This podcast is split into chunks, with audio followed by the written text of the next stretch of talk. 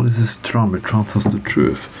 Is there been a lot of talk lately about artificial intelligence, how it can replace a lot of jobs and so on. A lot of the workforce will disappear. And what should people do then? Because the logic uh, in this modern society is that everybody should work themselves to death and somebody gonna earn a lot of money.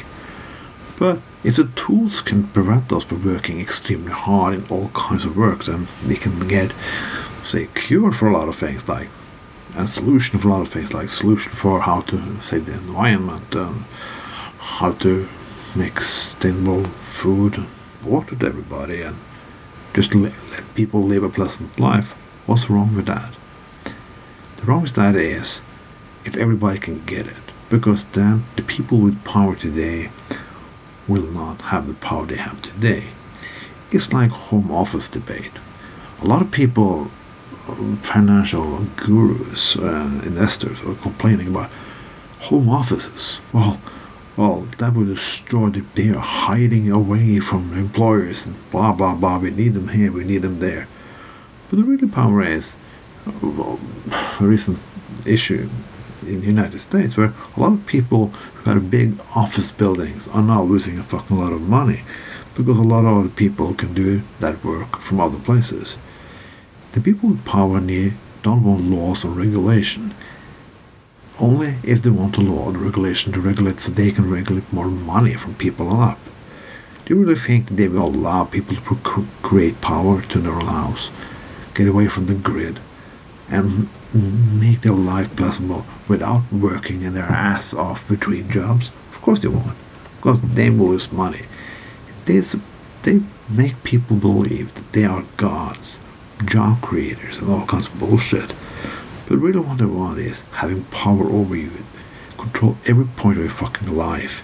If you're United States, if it's China, blah blah blah, it's fucking all the same. They just want your ass. They want your power powers. They want everything from you. Think about we have machines who can do, well, like do things in healthcare more efficient, easier. You can do a lot of jobs that we don't have enough people to do today. Or maybe people have to work death to, to get. Well, who will lose money? Private hospitals. If farmers can produce hemp who can make paper, oil, and all kinds of other things. Who rules money then? Oil companies and gas companies. This is not conspiracy You know where the road is leading. Everything is this is out in the open. We just claim to the old truth, old truth and old truth only. That's why people are getting so frustrated today. That's why nationalism leaders come up with solutions. It not solutions. You come up with slogans like make this great, make this great, and blame it all Muslims and Mexicans. But we know this is old ideas. We need to break down the system and make the system affordable for everybody. And there a man who made a TV series about that. A TV series who slowed all, oh, all over the world. A TV series now a lot of people claim has been woke. There's always been woke. Gene Roddenberry. This is the future of Star Trek, where the money and the power is not just everything.